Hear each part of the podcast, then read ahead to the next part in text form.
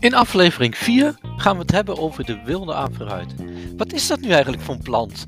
Zo dor in de winter en zo, zo niet zo heel mooi in de zomer, maar heel bijzonder. U hoort het in deze aflevering van de Spoorkuil podcast. Veel plezier.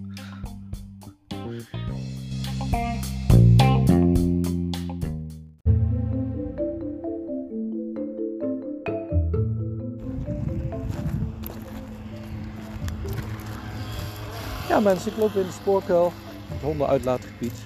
Er lopen ook wat andere mensen met honden. Het is uh, rond een uur of negen.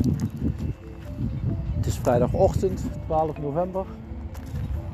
En uh, ik wil je wat vertellen over de wilde averruit.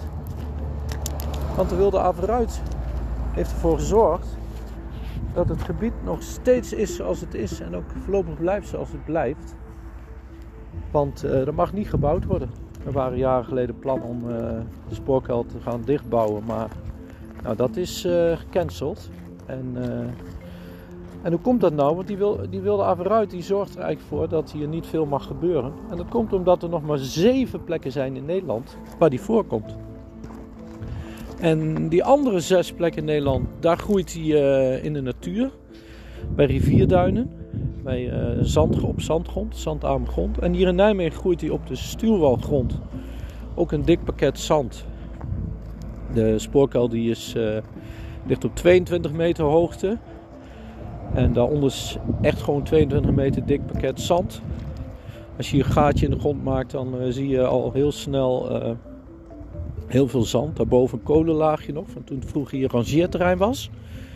En boven de Jan Berendstraat is 32 meter hoog. Dus de spoorkuil ligt 10 meter diep. Trouwens met de hand uitgegraven vroeger. Zal ik later nog wat meer over vertellen. Maar terug naar de wilde averruit. Um, ja, hij is dus beschermd, staat op de rode lijst. Mag niks mee gebeuren. Behalve onderhoud. En dat doen we dus met de werkgroep. We onderhouden de, het veldje hier, het terrein waar die kolonies staan. Er staan er trouwens drie en inmiddels al vier. Um, en de grootste is dan op het hondenuitlaatveld. En daar plukken we de grassen, maaien we de grassen weg.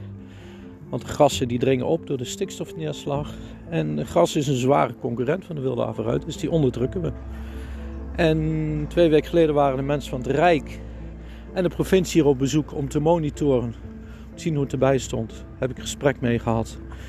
En ja, die konden beamen dat wij de enige plek in Nederland zijn waar we de wilde averruit wordt uh, onderhouden waar beheerd wordt, waar een beheerbeleid is.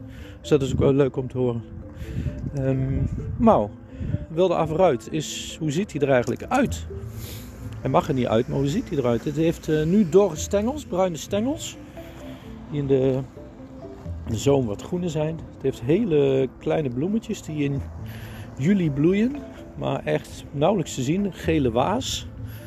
En nou, het is nu een beetje verdord plantjes verdord plantje. Veel mensen vinden hem niet zo mooi. De esthetische waarde is niet zo hoog. Niet zulke mooie bloemen. Maar ja, het is wel een belangrijk plantje voor het gebied. Het zorgt ervoor dat het natuurgebied blijft. Nou, hij uh, wortelt vrij diep. Zo'n beetje zo'n anderhalve meter om uh, water, dus veel mogelijk water nog te kunnen pakken. Allemaal weg zakt hij heel snel in de grond.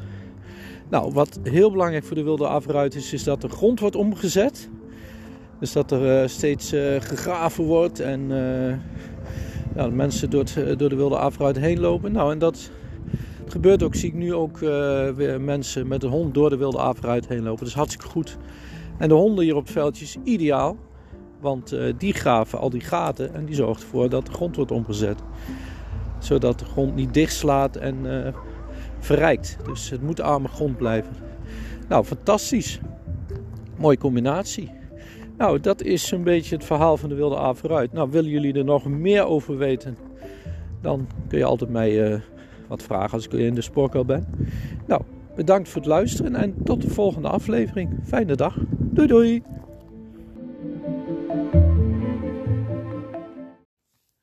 Iedere donderdagochtend om 10 uur een nieuwe aflevering.